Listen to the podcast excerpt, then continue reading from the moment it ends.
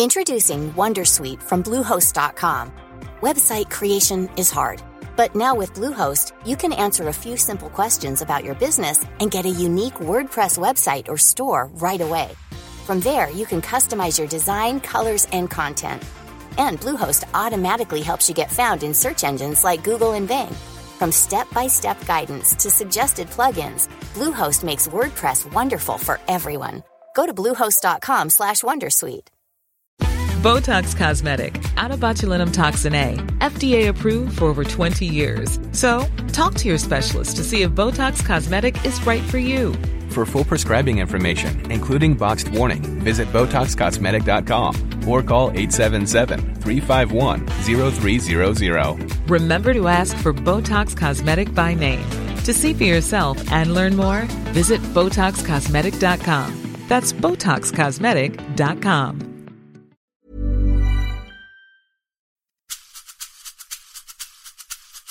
Jag har liksom aldrig vetat vad jag vill bli. Jag vet fortfarande inte det. Jag tycker så här på arbetsintervjuer när folk, ja men vad ser du dig själv om fem år? Jag, bara, jag har ingen aning. Och jag har känt mig så dum liksom när jag inte kan svara på det. Man behöver inte ha ett svar på det. Allt det jag hittade i forskning, att kvinnor tar mindre risk i sitt sparande, Eh, och att jag bara, men gud, här sitter jag och är för en jämställd framtid.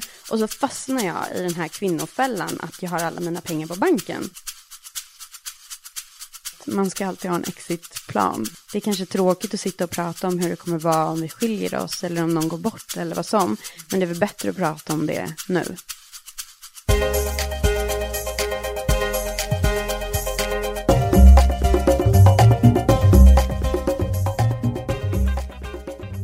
Välkommen till Karriärpodden. Det är jag som är Eva Ekedal. I Karriärpodden intervjuar jag framgångsrika kvinnliga ledare, för vi behöver ju fler kvinnliga förebilder. Veckans gäst är Sandra Bourbon, grundare av Framtidsfeministen. Sandra är något av en finansrebell. Hon brinner för en jämställd framtid och påverkar genom att investera i jämställda bolag där hennes aktieportfölj har utklassat börsen sedan starten i maj 2015. Och hon verkar för fler kvinnor till börsen och erbjuder ett jämställt månadssparande för alla. Hennes karriär började i unga tonåren som lägerledare på ridskola för att sen lägga höstarna på hyllan och studera till civilingenjör inom teknisk fysik. Sandra arbetar nu också som managementkonsult inom teknik och digitalisering och vi pratar om hur det är att ha flera jobb samtidigt. Vi pratar förstås också om hennes bakgrund, varför det är viktigt att ha koll på sin privatekonomi och att alla borde ha en äktenskapsexitplan. och att det är lätt att tappa bort sig själv i all social media. Ja, ni kommer också få tips på hur ni kan investera jämställt. Men nu så, då kickar vi igång. Nu kör vi!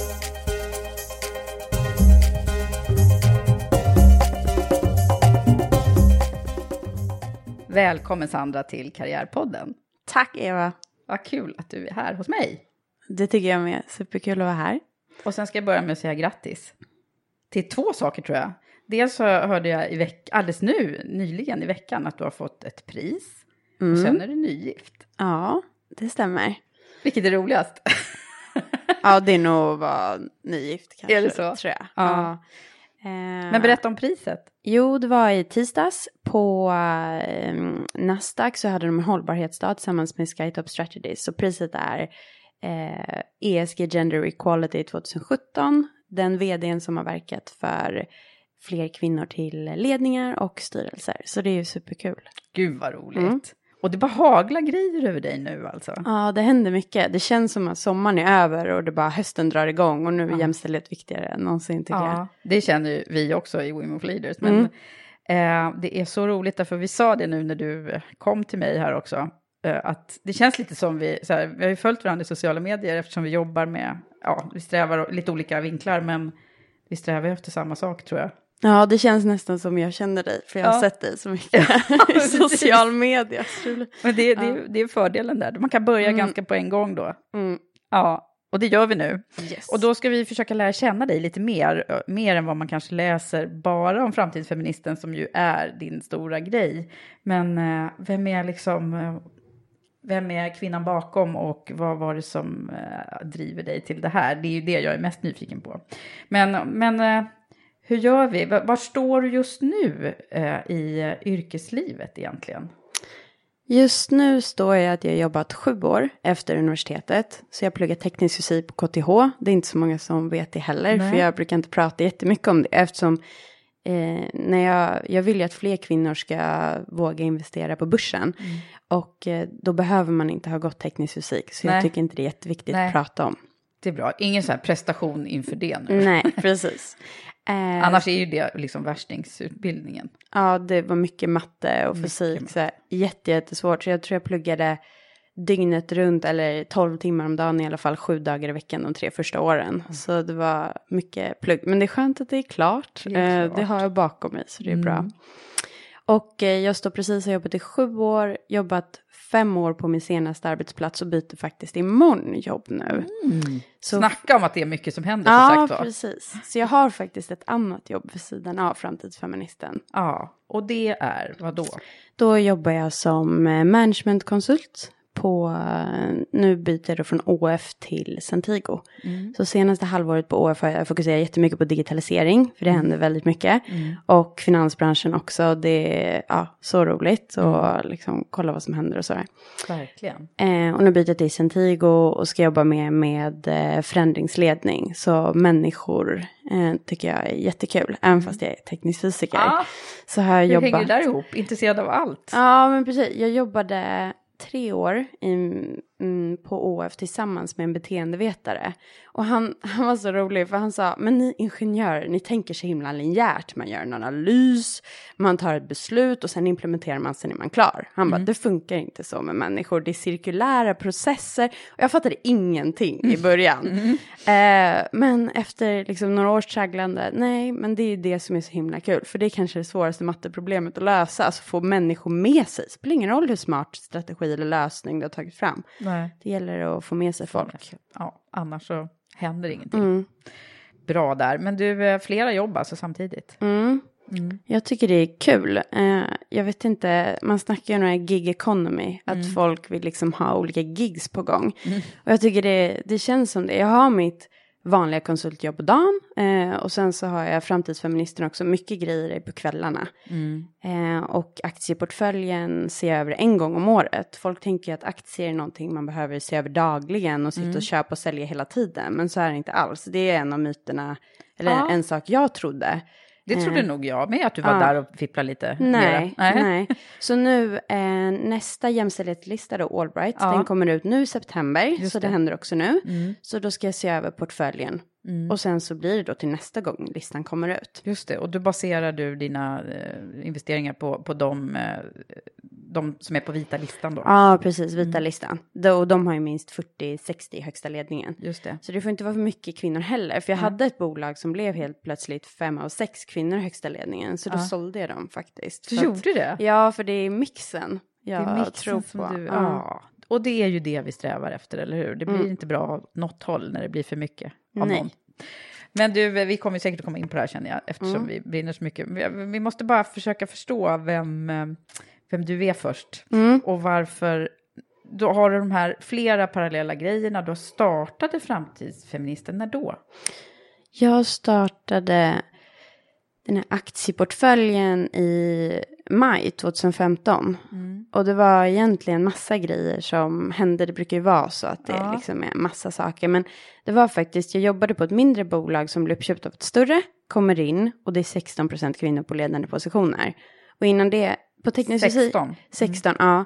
Eh, innan det så, ja men teknisk fysik, det var 10% kvinnor. Eh, Men jag blev behandlad som vem som helst. Alltså för antingen har man räknat rätt eller så har man räknat fel. Alltså det finns inte så mycket unconscious bias i liksom bedömningen av prestationen. Så kom jag in där och så tänkte jag så här, men min mamma har alltid sagt att jag har samma möjlighet som alla andra, men det verkar ju inte som det. Jag är kvinna, jag kommer inte kunna bli chef här och varför är det så? Och då tänkte jag, men är kvinnor sämre chefer eller vad handlar, alltså jag ville verkligen gå till botten på riktigt med det. Så då gjorde jag det och började forska runt och hittade kvinnor är ju såklart inte sämre chefer, vi är minst lika bra. Men sen hittade jag massa... Eller bättre ibland. Mm. Ja, ja, ja. Eh, kanske. Eh, men sen hittade jag massa andra saker också, att jämställda bolag är mer lönsamma, presterar bättre på börsen och att kvinnor tar för lite risk i sitt långsiktiga sparande. Vilket gör att vi har ju nästan lika höga löner nu om man drar bort för deltid och sådär.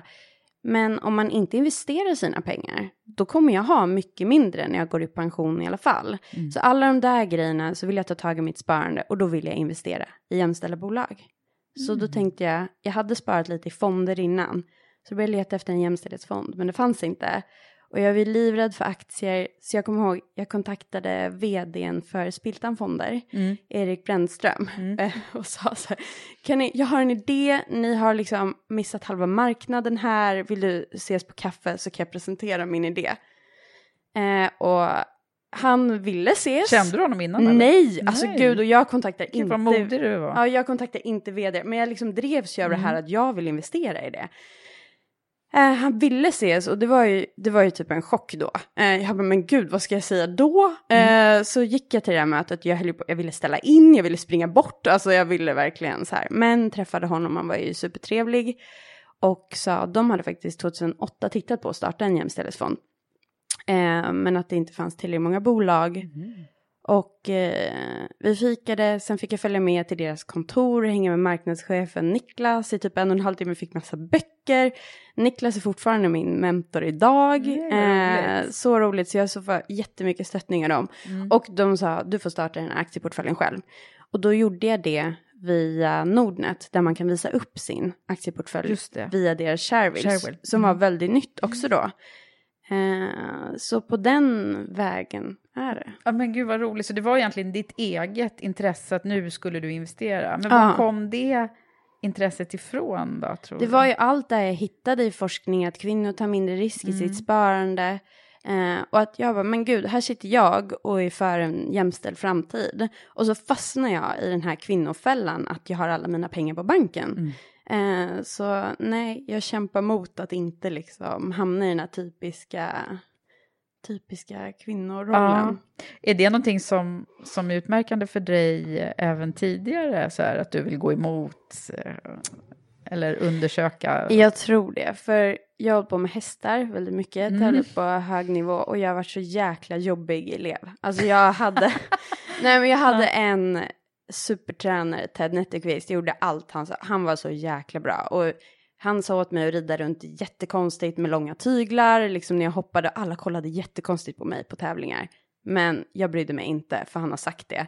Eh, och så försökte jag träna för andra och jag har liksom gått ut från hoppträningar för att jag har tänkt så här, nej, de vet inte vad de snackar om. Alltså jag ja. Du är van att liksom kunna våga äh, gå emot strömmen lite då, eller är det det du säger? Ja, men jag tror det, i alla fall när man har en uppbackning, någon mentor, någon tränare mm. som jag tror väldigt mycket på och litar på, då följer jag dem. Mm. Eh, så. Mm, vad mm. häftigt.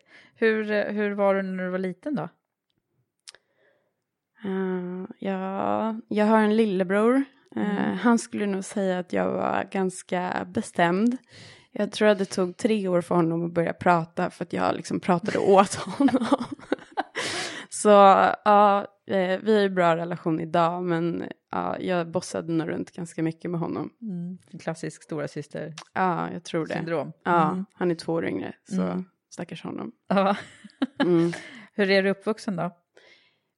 Helt normalt skulle jag säga. Eh, med så här jättebra föräldrar som har gjort allt för mig. Min mammas dröm tror jag när hon var liten var att få ha egna hästar och sådär. Men eh, mormor fick mamma när mormor var 16. Så de har aldrig haft liksom speciellt mycket pengar och de har gjort allt för sina barn också. Morfar har alltid sagt du kan göra vad du vill mm. eh, till mamma. Så hon var den första som pluggade i släkten. Fast hon jobbade sju år först och sen gick hon på Handels. Ah. Eh, alltså ingenting är omöjligt. Och det har ju mamma liksom tagit med sig. Ja, precis. Och alltid, jag kommer ihåg, jag frågade, jag tyckte Top Gear, det här programmet med mm, bilar, var så himla, ja men där är bara massa män som är så här bilspecialister som, jag bara, är det inte roligare, skulle det inte vara roligare att ha någon med som är kanske kvinna, inte så bra på bilar, så att jag kan relatera till den personen. Så då kommer jag ihåg, jag sa det till mamma, jag vet inte hur gammal jag var, ja men ungefär inget körkort. alltså. Jag bara, men jag tror jag ska skriva till dem att jag ska vara med i det här för att det blir bra. Hon bara, kör. Gör det. Alltså de har alltid sagt så här, ja. på de konstigaste Att vad som helst är möjligt liksom. Ja, bara gör det. Eh, Vad coolt. Ja, och Du, visst är det roligt det här med när du liksom kan relatera till alltså att det är din, eh, din mammas uppväxt som har... Eh, alltså att när man går en generation till tillbaka Mm. så hittar man liksom lite nycklar till varför man är som man är. ja. Vi, vi gör det ganska ofta i Karriärpodden ju, Mm. att, att man... Eh, det, det finns så mycket i vår hi, hi- historia som faktiskt idag liksom tar sig utlopp. ja, finns det fler precis. grejer som du kan se där? Eh, jag tror det är väldigt mycket. Jag har en annan beteendevetare som jag jobbar med nu. Mm. Och hon säger det att vi alla är en copy-paste av vår uppväxt. Mm. Eh, så att man tror att man är jätte, eh, jätteunik men eh, ja, man, är, man är som sina föräldrar. Ja, men lite och så här att de valen man faktiskt gör, det är ganska ofta som de påminner om antingen om föräldrarnas dröm eller om, det var som jag, när jag var liten så eh, sa min mamma att hon ville bli inredningsarkitekt. Mm. Eh, fast hon blev inte det, när hon var ekonom. Men, men eh, då ville jag bli det. För att hon hade väl sagt det då när jag var liten, du vet. Och då trodde Ja. jag att det var det jag, nu är det ju verkligen inte det jag är. Och, men jag, min första liksom pryo, som det hette på min tid. eh, Ja. ja, jag praoade. också. Ja, just det. Ja. Då, då pryade jag på eh, stadsarkitektkontoret liksom, för att jag trodde att jag skulle bli arkitekt eller inredningsarkitekt. Mm. Helt galet. Det var ju det var liksom fel för mig som person. Men det, det var på sätt att man blir ändå liksom lite indoktrinerad, även om de inte säger någonting. Så kan man ta lite, Ja, lite rygg på dem. Liksom. Definitivt. Jag tror jag har gjort exakt som de har planerat på något sätt, fast jag inte har märkt det. Nej. Så jag vet inte, pappa kommer från en så här ganska lite finare familj inne i stan, eh, bodde liksom på Villagatan och sådär. Mm. Så när han träffade mamma så sa hans familj att han inte fick gifta sig med henne. Eh, för att hon inte var liksom fin nog. Mm.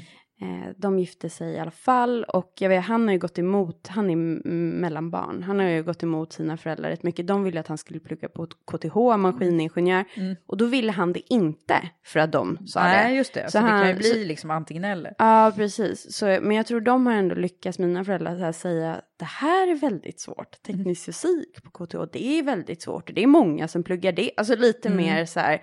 Trigger som- till, ja, till dig men istället. lite så, jag, hmm, ja, men det här kanske. Fast efter gymnasiet, jag höll på med hästar sen jag var jätte, jätteliten. Och jag tänkte, det är det jag ska göra. Eh, så efter gymnasiet åkte jag och red hos Peder Fredriksson och Lisen Bratt Fredriksson. Mm. Eh, och gick all in på det där. Men så kom jag på att man behöver ganska många hundra miljoner för att lyckas i den här branschen. Mm. Det är ganska mycket materialsport, 80% upp till hästen ungefär. Ja. Eh, så då kom jag på att det här går nog inte och min häst blev sjuk och eh, Mm. så. Så jag, Men du tänkte dig först en karriär? ja det tänkte jag. Och Så gymnasiet har jag absolut ingen önskan att plugga vidare whatsoever. Så Mm. jag, eh, jag var led, eller ska vi säga jobba och var ledig i två år. Sen började jag plugga på KTH. Mm. Eh, så. Hur var du i skolan då? Var du så här klassens ljus eller?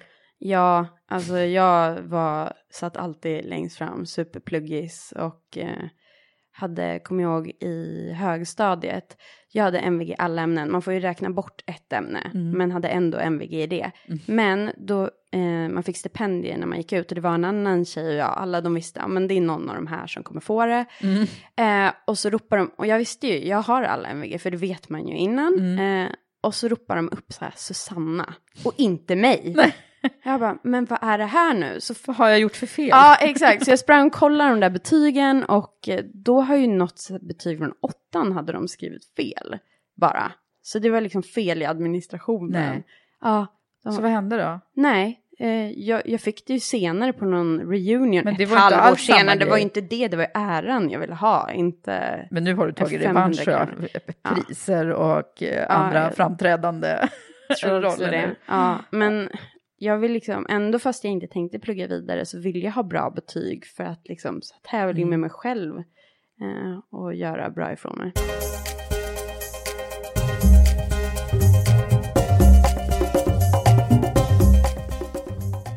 Men du, det här med hästarna, vi måste prata mer om dem känner Mm, jag. Ehm, håller du fortfarande på? Nej, nej det gör jag inte.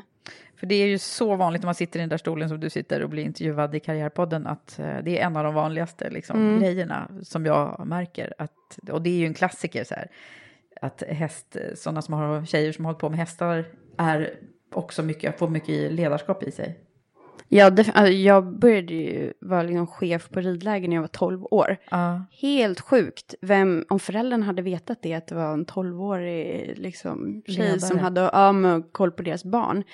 Eh, men så roligt, vilken bra skola, jag ångrar ingenting. Alltså jag och mamma och land och rike runt och tävlat och allting liksom, men det är en häst, du måste ta hand om den varje dag. Du kan inte vara lite trött utan det är, du måste åka ut och mocka. Mm. Eh, måste träna den och jag tävlade väldigt mycket även fast jag var så livrädd för att hoppa. Eh, men Alltså, du var det? Ja, alltså jag värsta fegisen egentligen. Nej. jo.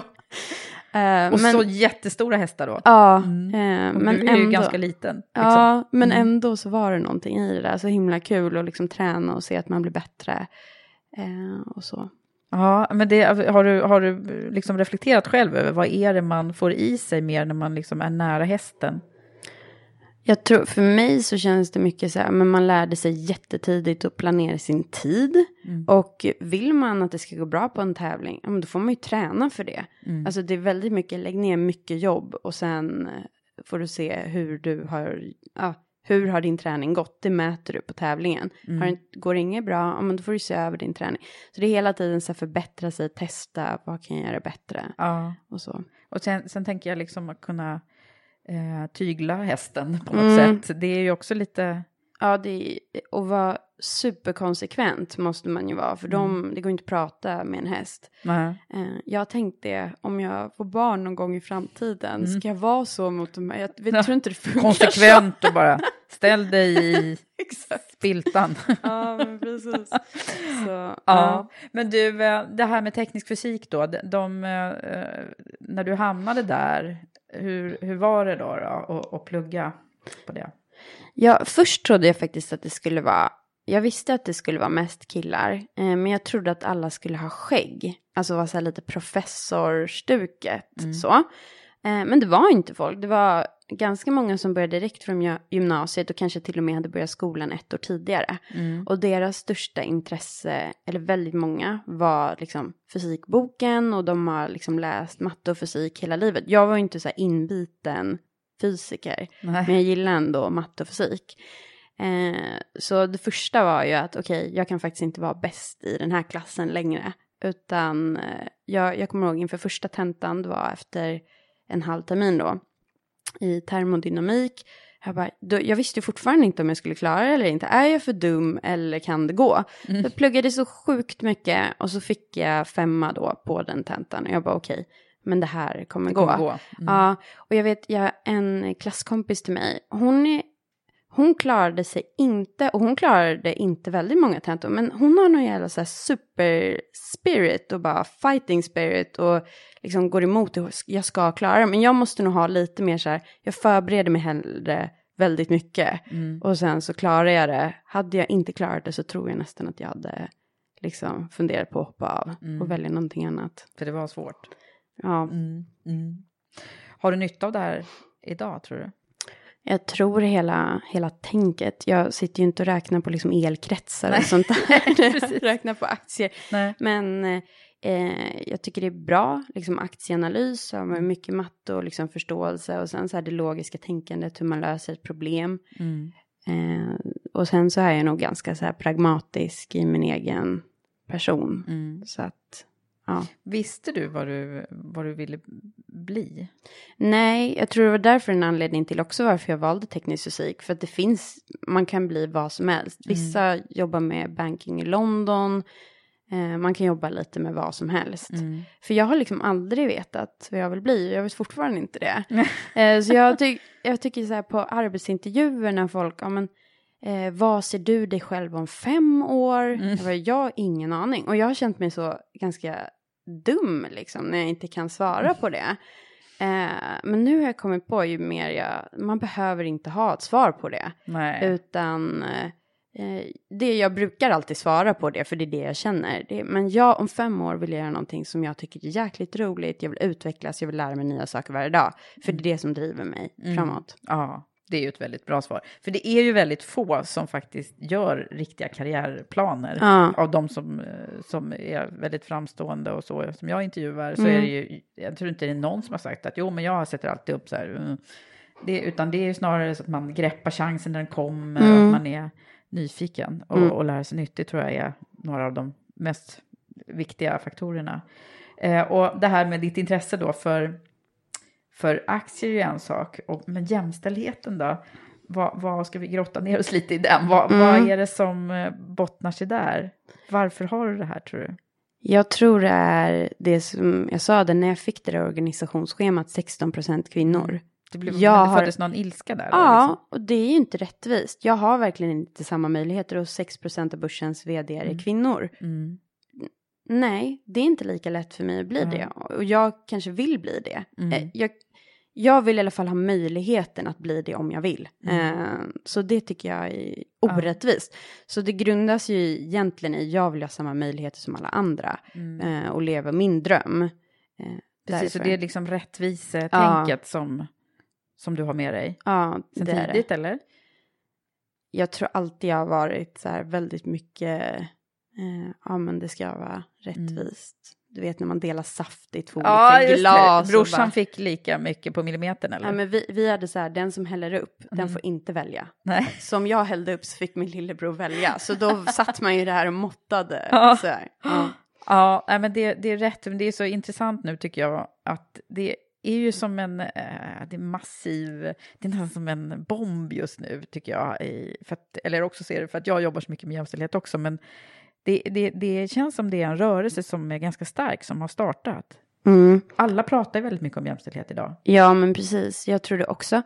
Säger man att man inte är för jämställdhet så tycker man det är lite konstigt. Ja, Eh, sen så tycker jag det är så himla roligt. Man kan ju säga det är väldigt många stora liksom, företags som går ut och säger det här är väldigt viktigt för oss. Och sen kan man undra hur mycket jobbar de för det? Du säger att det är viktigt, men hur mycket är ni beredda att offra då? Eh, och verkligen göra den här förändringen. precis. Så det är mycket snack. möter Ja. jag hela tiden kan jag säga. Mm. att de, de säger det ligger högst upp på vår agenda och sen så det man gör då det är att man mäter liksom hur det går. Ja. Eh, Men det är ju inte att göra någonting. Nej, precis. Nej. Så gå från snack till action. Ja. Och det... Ja. Du, om vi ska prata lite, nu ska du få berätta om framtidsfeministen tycker Mm, jag. mm. Eh, Vad är det och vad gör du mer än aktieportföljen?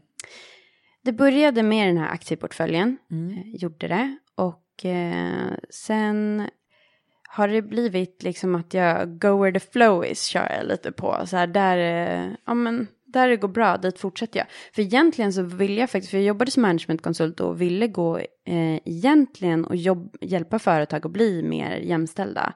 Eh, för managementkonsult hjälper ju ganska ofta företag att bli mer lönsamma. Och om du kan koppla direkt jämställdhet till det, varför inte? Men eh, efter att ha sl- slagit huvudet i väggen några gånger, eh, för jag var ensam då, så mm, skippade det och folk var jätteintresserade av aktieportföljen. Så nu har vi den aktieportföljen, eller det, det började med mina egna privata pengar. Vad jag också har lärt mig mycket, mycket mer, jag läser jättemycket, jag tycker Twitter är jättebra för att få liksom, den senaste informationen och verka för fler kvinnor till börsen. För att idag i Sverige så äger var nionde kvinna en aktie och var sjätte man. Så Ja, jag läste att du, du hade skrivit det. ja, så det är ju liksom, ja, men, det är ju ganska lite. Ja, alltså. det är 30-70 ungefär. Och så eh, om ägandet inte är jämställt, Mm. alltså det är ju liksom valberedning, styrelse, ledning. Vi behöver ju ha ett jämställt ägande också, Ja. tänker jag. Ja. Dels för våra egna privata pengar, men också för att ägande är makt. Så det jobbar jag mycket för att få, eller framtidsfeministen då, att Mm. få fler kvinnor till börsen och våga köpa den där första aktien. Mm. Eh, och sen så också sen i mars på internationella kvinnodagen så släppte vi tillsammans med Aktieinvest Mm. en jämställd sparbox där man kan automatspara via autogiro i jämställda bolag, i de bolagen som vi själva har då. ja, och är det de bolagen som du har i, i, i Ja, portföljen? det är precis samma. Det är precis Så samma. då gör man det och man kan välja från 500 kronor. Det kostar 20 kronor i avgift oberoende hur mycket man sparar. Mm. Det Sparar är ju 2000. jättesmart. Hur har det gått med den här? Eh, nu, eh, sen i mars, gud jag vet inte Nej. exakt för att Nej. jag kollar inte varje dag. Men det har, jag tror ungefär att det har gått plus minus noll. För att hela sommaren har det ju gått ner väldigt mycket nu i börsen. Så folk undrar lite Mm. Ja, var det är på är väg lite- någonstans. Ja. Ja. Men det har gått ungefär som index och det är väl målet. Ja. Men innan då, Eh, sen hela starten maj 2015 så har aktieportföljen gått upp 55 procent. Och Life is made up of many gorgeous moments. Cherish them all, big and small, with Blue Nile. Whether it's for yourself or a loved one, Blue Nile's unrivaled selection of expertly crafted fine jewelry and statement pieces help make all your moments sparkle. Blue Nile's experts are on hand to guide you, and their diamond guarantee ensures you get the highest quality at the best price. Celebrate a life well lived in the most radiant way and save up to 30% at BlueNile.com. That's BlueNile.com. Introducing Wondersuite from Bluehost.com. Website creation is hard, but now with Bluehost, you can answer a few simple questions about your business and get a unique WordPress website or store right away. From there, you can customize your design, colors, and content. And Bluehost automatically helps you get found in search engines like Google and Bing. From step-by-step guidance to suggested plugins, Bluehost makes WordPress wonderful for everyone. Go to bluehost.com/wondersuite. börsen har inte alls gått upp så Nej, mycket. så där Ja. ligger Så det är du på- väldigt bra till. ja, och det är Ja. ju på lång sikt. Är Men vi du, skulle du eh, vilja bli förvaltare liksom? funderar lite på det. Uh, jag nu blev det lite karriärsnack här med, Ja. med coachen. Nej, men jag tycker... Jag funderar ganska mycket på finansbranschen och liksom i och med hela den omställningen med digitaliseringen och sådär. Jag tror inte storbankerna kommer inte finnas kvar om 20 år utan det kommer vara en storbank kommer vara som någon slags hubb och sen så kopplar du dina appar eller vad det nu kommer vara. Eh, Tink om du vill hålla kvar en koll på din privatekonomi, eh, en sparbox kan du spara i. Du kopplar på det som passar dig bra. Eh, de här storbankerna kommer inte tillhandahålla allt och jag tycker att väldigt många storbanker eh, de rekommenderar inte det bäst, som är bäst för dig utan oftast det som är bäst för dem. Så fonder med väldigt höga avgifter. Eh, så jag, jag är lite, jag kör min finansrebell vid sidan av. Eh, för då kan jag hålla mig absolut oberoende. Ja, just det. För det är du ju nu, ja. Mm. För det, eh, just det, Nordnets, när det är inte någon koppling så, eller? Nej, jag, det, där visar ju min portfölj. Så antingen vill man ha helt automatiskt månadssparande i jämställda bolag, då kan man köra via Aktieinvest. Då kostar det 20 kronor eller 10 kronor om man är med i aktiesparande eller unga aktiesparare. Men vill man inte det, betalar man 20 kronor, då kan du köpa aktierna själv via vilken plattform du vill. På Nordnet följer mig där, får du köp och säljnotiser eh, direkt till din mobil. Ja. Eh, så det är helt öppet att göra det som passar dig bäst. Och det tror jag också. Eh, jag, in, jag gör det inte för att tjäna pengar, utan jag vill liksom att fler ska komma igång med aktier. Och då tycker jag liksom produkt som passar dig bäst är det viktiga för mig. Vad tror du det bottnar sig i att eh, det är så många kvinnor som inte har hittat till intresset för aktier och, och pengar och kapital på det sättet? Eh, Barbara Stewart forskar kring kvinnor och ekonomi och hon har sett det, om man tittar på män, vad de säger så här, men investeringar för mig, det är fonder, det är huset och det är lite på banken. Så de har tre grejer som de eh, tycker är, det här är investeringar. Frågar en kvinna, då kommer det till fler grejer. Eh, det är familjen, det är mig själv, det är kanske nu vill åka på någon resa, men vi investerar i oss själva liksom på ett annat sätt. Och eh, jag tror millennials, alltså den liksom eh, tillhör jag och eh, den generationen stämmer mer överens med hur kvinnor tänker generellt. Att man vill investera i någonting som är viktigt för en. Eh, och där tror jag också, okej jag vill investera i jämställda bolag, det är det som driver mig, det är viktigt för mig. Eh, så produkter som är mer, ja men det, det är purpose before profit. Ja, just det. Att det är det som kommer mera. Mm.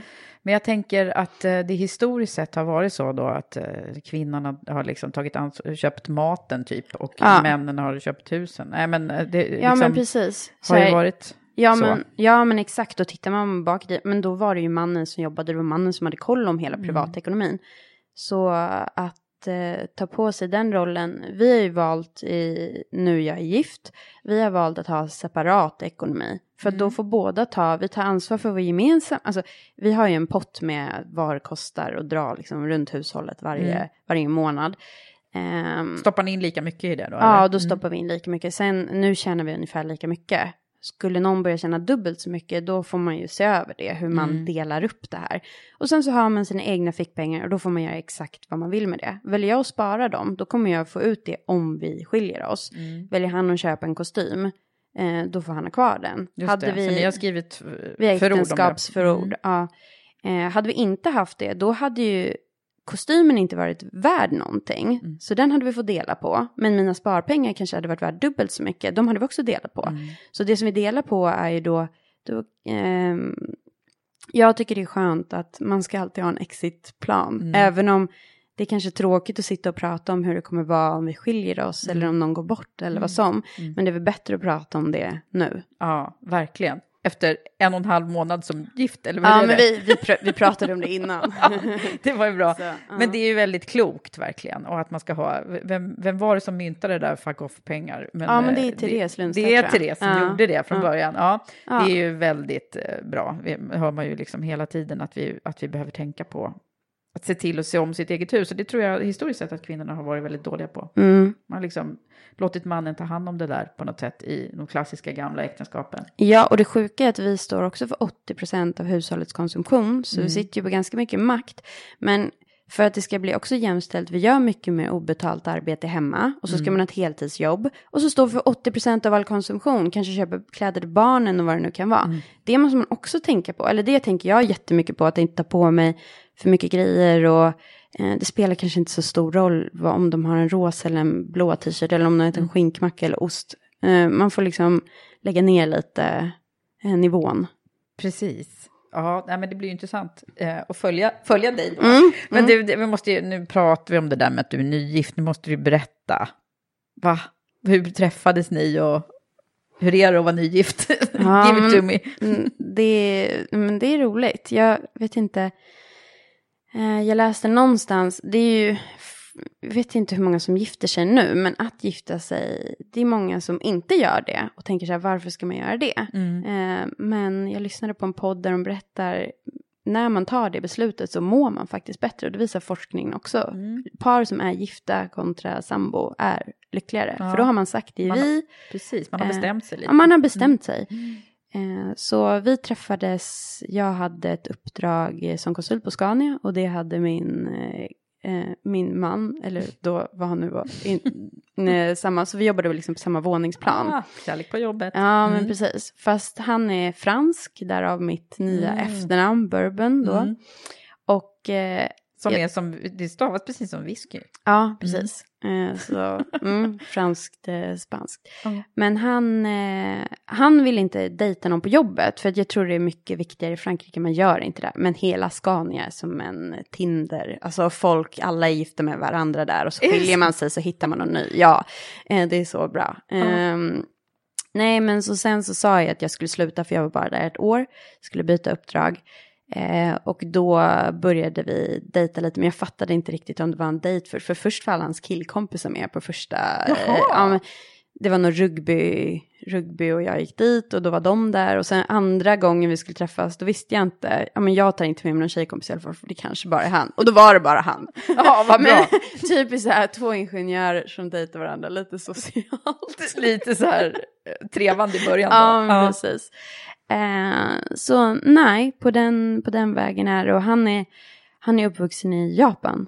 Eh, så hans föräldrar är franska då, men de flyttade till Japan när han var tre månader. Mm, Han har bott så där i 18 år. global Ja, kille. Mm. precis. Eh, och gått i skolan där i 18 år och sen pluggat på universitetet i Frankrike. Men han gillar ju Sverige supermycket för vår liksom work-life balance Mm. och att fransmän är ganska negativa ibland. Här är lite mer positiva. Mm, vad roligt att höra, annars brukar vi få höra att vi är lite så här Jag vet. tråkiga. Ja, men det är så roligt för han berättar, eller han säger så mycket grejer som jag bara eh, take for granted. Ja. Att eh, liksom hur vi har det här. Eh, så att jag liksom ser, ser nästan Sverige som lite utifrån ibland och uppskattar verkligen saker vi har Ja. här. Och, och nu Mycket. pratar ni franska, svenska, engelska? Eh, vi pratade engelska ganska länge, men Mm. nu börjar han bli så bra på svenska. Och eh, jag har läst lite franska också. Så Mm. jag börjar förstå ganska bra, för att när vi träffar hans familj, de kan ju engelska. Men de pratar ju hellre Mm. franska, Mm. för de skäms lite. Det, de pratar inte inte, de vill inte prata engelska, inte för att de är elaka utan mer för att de skäms för att de tycker att de är så himla dåliga. Ja, ja. okej, vad spännande och vad Mm. härligt det Mm. låter att vara nygift. Eh, Det är härligt att vara gammalt gift också, kan vi säga. Jag som har många år på Ja. nacken.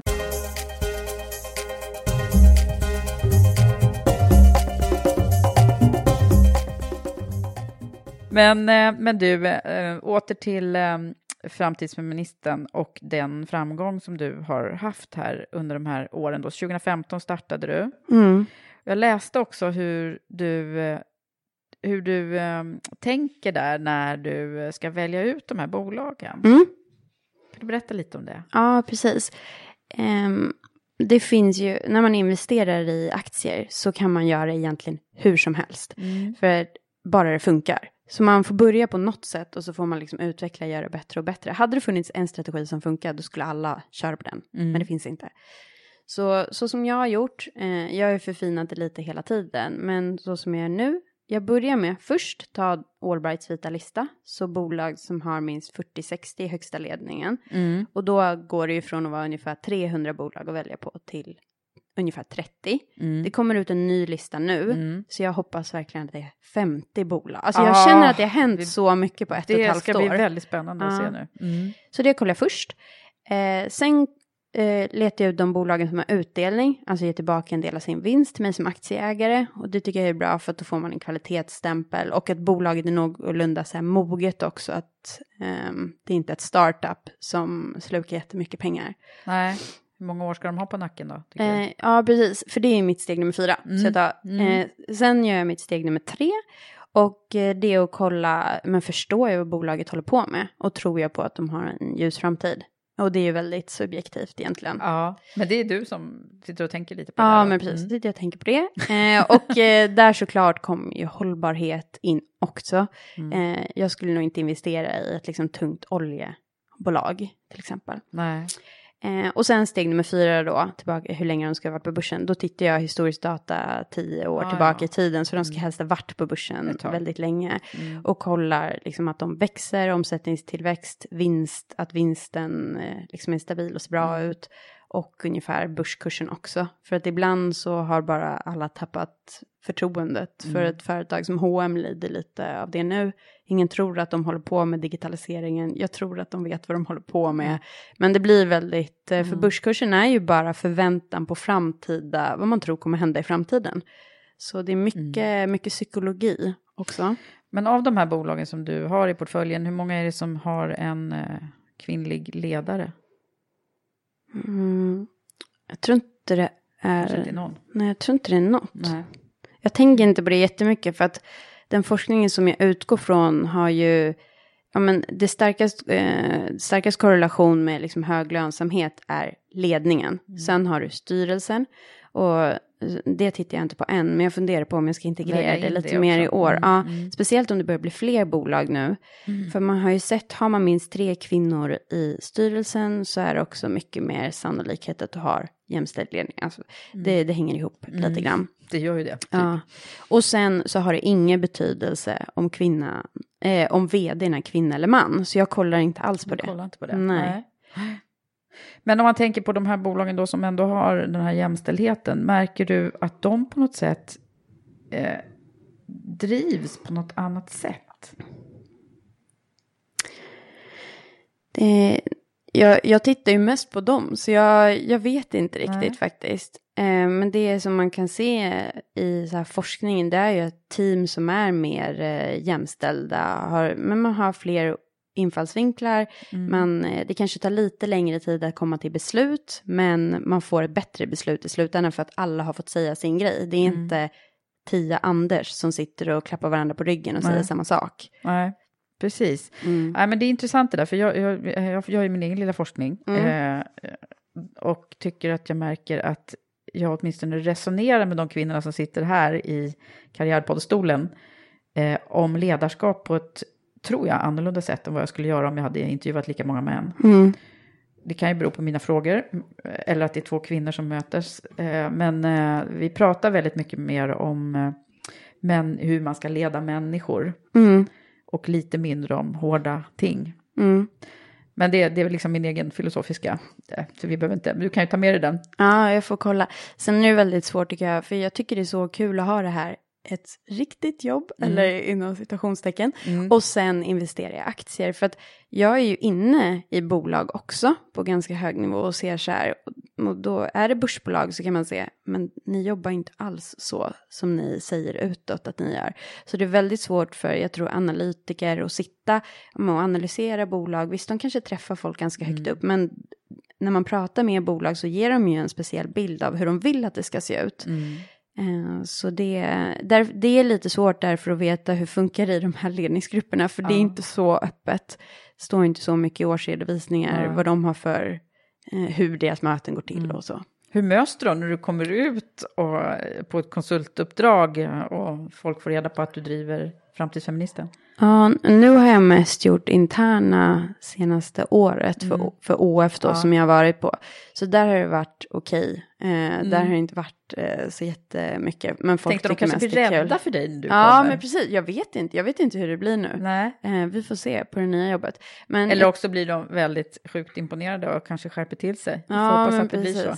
För jag tror Centigo, en anledning till varför jag bytte dit också, var att de, det är väldigt entreprenöriellt. Mm, Eh, svåraste det ordet som svåraste ordet, ja. Ehm, och de tycker det är jättebra att jag har ett företag vid sidan av, att jag driver de här frågorna. Ja. Mm, så. Ja, ja, men det är ju viktigt såklart. Mm. Att man, eh, att man, och, det, och det som har hänt här nu, då, jag, jag brottas lite med tanken med hur hinner du med eh, och leva ett vanligt liv också. Mm. För det kan jag tänka mig, även om du, för det är mycket evenemang och grejer som är kopplat till eh, det du gör. Ja, men och precis. du föreläser ibland också. Och så. Ja. Hur hinner du med? Eh, ja, eh, det var ganska många faktiskt som undrade nu när jag bytte till Centigo. Alla trodde att jag skulle sluta och gå liksom framtidsfeministen all in. Ja. För att det känns som jag jobbar så mycket med det. Ja. Men aktierna tar inte mycket tid att välja ut en gång om året. Eh, social media, det är ju liksom lite frivilligt. Det Mm. kan man jobba så mycket man har tid med. Så det gör jag på bussen eller när jag står och väntar. Vilket i och för sig är lite tråkigt. För att jag, jag Det tar nej, en del tid. Ja, och det skulle vara kul också någon gång att inte stå och glo på mobilen. Jag tror liksom så att hjärnan får slappna av också. Ja. Eh, men nej, men jag jobbar med det där ständigt. Men också så här Twitter och all social media. Jag älskar typ att prata med folk om eh, de här grejerna. På Twitter kan man testa idéer. Man får jättebra artiklar skickat till sig så att jag liksom kan hålla mig ständigt uppdaterad. Och det är ju någonting jag brinner för, de här grejerna. Jag vill ju läsa om det. Det är ju som min fritid. Det är ju Lite starkt dröm. intresse. Ja, Ja. dröm att jag får komma ut och träffa så mycket coola människor och Ja. prata om det jag brinner för.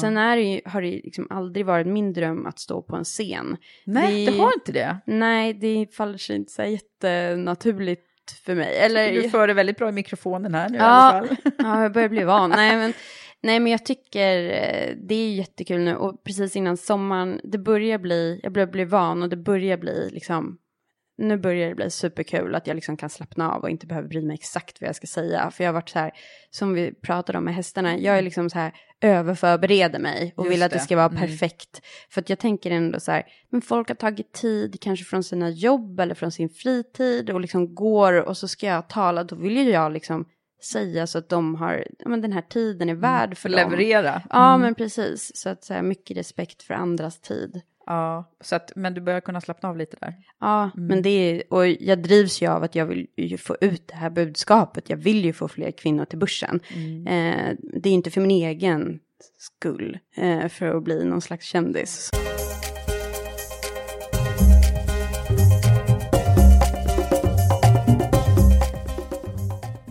Jag har ju alltid frågor som jag brukar, vi brukar uppehålla oss lite grann vid toppar och dalar, Mm. Kallar jag den rubriken för. Mm. Eh, och då så är det ju frågan, vad, är, vad har det varit dina absoluta, vi börjar med absolu- absoluta topparna hittills? Du har säkert Eh. många toppar kvar. Ja, i mitt liv så tänker jag att jag gick ut teknisk fysik i den absoluta här, största bedriften jag tycker jag har gjort. Fem Mm. Det år. roligaste. Ja, Mm. eh, och det kändes ändå som, ja men jag gick in för det och klarade det. Eh, jag är stolt över mycket. Men om vi framtidsfeministen nu på senare tid, det här priset jag vann i tisdags, superroligt. Men sen var det så mycket grejer som hände i, eh, i februari-mars i år. Det, är liksom, det känns som att det går lite i, man når en platå och sen så går det jättesnabbt och sen når man en platå. Och där var den så här, det bara allting började gå så himla snabbt. Så jag var på Nordnet live eh, och eh, satt på scenen där och berättade om mina investeringar inför liksom tusentals människor. Och sen släppte vi den här sparboxen då tillsammans med Aktieinvest. Och det var liksom både en topp och en dal. Det var jättemycket Ah. skriverier i medier. Ut, från, utifrån sett så ser det ju ut som att jag hade världens bästa tid av Ja. mitt liv.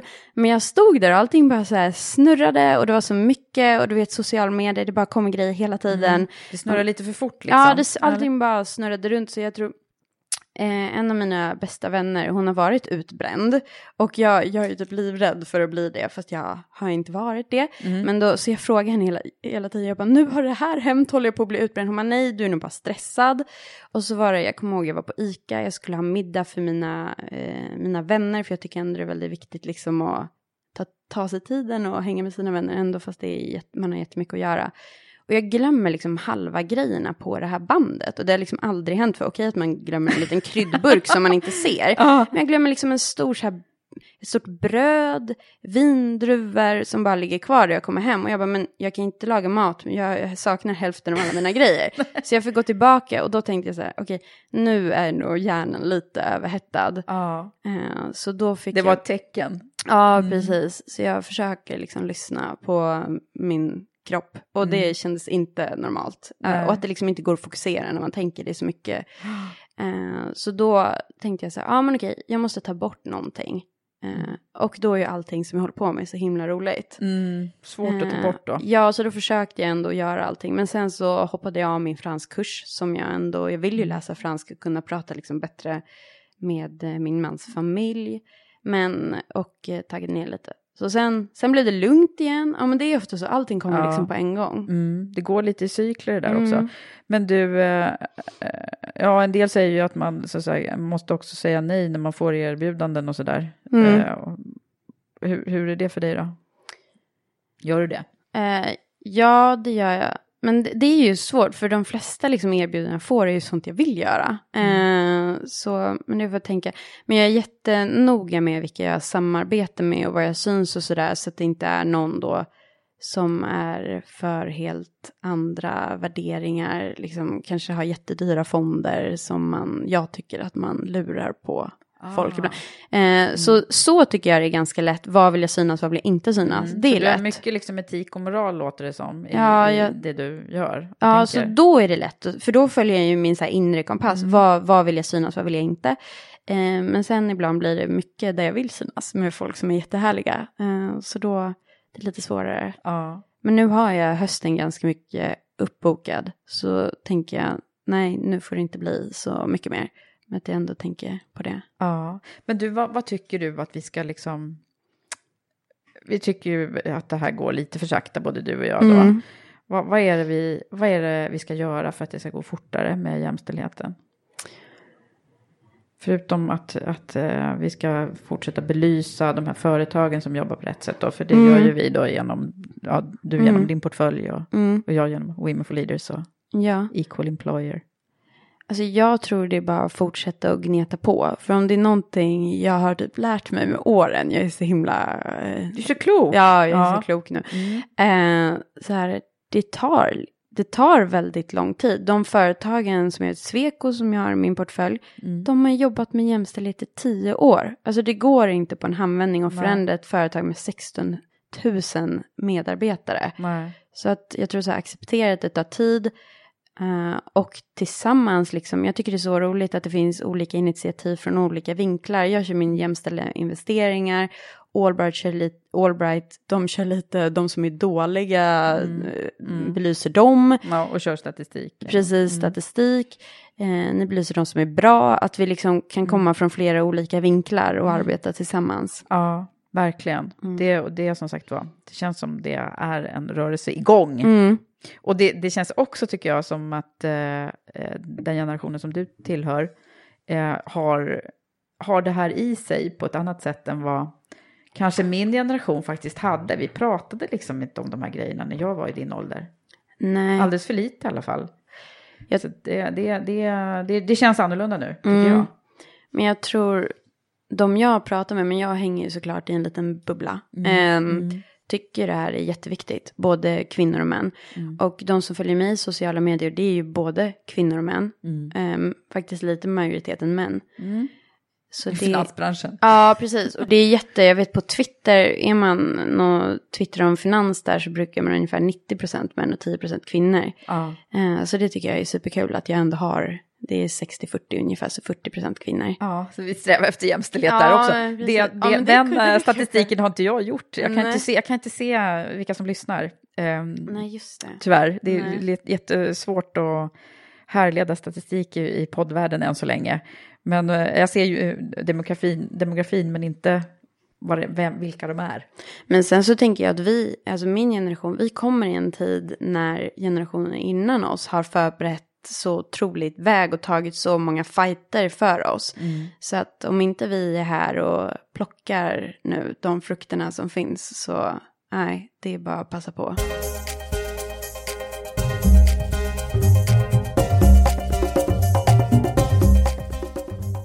Du, eh, jag tänkte att vi skulle börja runda av och då brukar vi göra det genom att du ska också få formulera dina bästa råd och tips sådär som du har fångat upp eh, genom, genom dina erfarenheter Mm. till andra. Och då handlar det ju om karriären och, ja, och livet om du vill det. Mm, mm. Ja, vad säger du? Eh, det första som, jag, som vi har varit inne på lite, det är det här med att ha en karriärplan. Att jag trodde att man måste ha det. Det måste man inte alls det. Det behöver man inte alls ha. Utan eh, välj lycka och ha roligt, tänker jag. Och hur gör man det då? Det kommer, då kommer vi till mitt tips nummer två. Ehm, att sätta sig ner i en fåtölj och tänka, nej, nu ska jag göra någonting som jag blir lycklig av. Det kommer inte ta dig någonstans. Det blir bara helt kontraproduktivt. Så vad kan man göra då? Jo, tips nummer två, det är testa. Våga testa, utvärdera, hur känner jag mig nu? Testa något nytt, det är inte så himla farligt. Utan eh, våga testa, ta, Prova dig fram. Ja, ta små, små beslut. Och sen tredje tipset. För att våga testa, då måste man ha kontroll på sin privatekonomi. Så här kommer vi in lite mer på livet. Eh, har de här fuck off-pengarna? Nej, jag trivs inte på mitt jobb nu. Jag säger upp mig. Och så hittar jag någonting som jag tycker verkar roligare. Eller jag vill starta mitt företag. Eller jag vill göra, göra någonting annat. Så ha kontroll på din privatekonomi. Och är man gift, ha äktenskapsförord. Kolla upp vad händer om folk avlider. Prata om sådana tråkiga saker. Våga prata pengar med varandra. Våga prata pengar. Mm. Och ta hand om dina egna. Ja, det ju. exakt. Och det är, inte, det är inte egoistiskt att ta hand om sina egna. Även fast det är ju det jag får höra nu. Folk tycker det är konstigt att vi är gift oss, att vi inte har gemensam ekonomi. Eh, men eh, alltså jag måste ju tänka på mig själv. Ja. Om det är någon gång man ska göra det så är det då. Precis, var dig själv närmast. Det är ju faktiskt så att det, det kommer man på på lite olika ställen i livet, att det, det är rätt bra att ta sig själv i handen också. Mm. Ja. Gud vad trevligt det är att ha dig här. Vi kan sitta och fortsätta snicksnacka om kvinnor och pengar och makt och ekonomi ett tag till tror jag. Men tack så jättemycket för att du har varit här. Tack för att jag fick komma hit.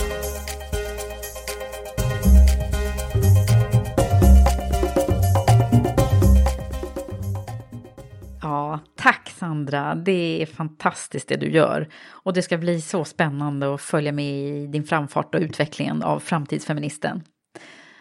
Så jag vill också påminna de företag som vill och tycker att det är viktigt med jämställdhet och som på riktigt vill få fram fler kvinnor till toppen av företagsledningen. Ni vet väl att ni kan få vara med och påverka det och få fram fler ledare som kan få verktyg och nycklarna till att leda i framtiden genom vårt exekutiva ledarprogram. Women for Leaders Premium Leadership Program som startar till hösten. Och nu är det snart sista chansen. Ta kontakt med oss nu så berättar vi mer. Och vet ni vad?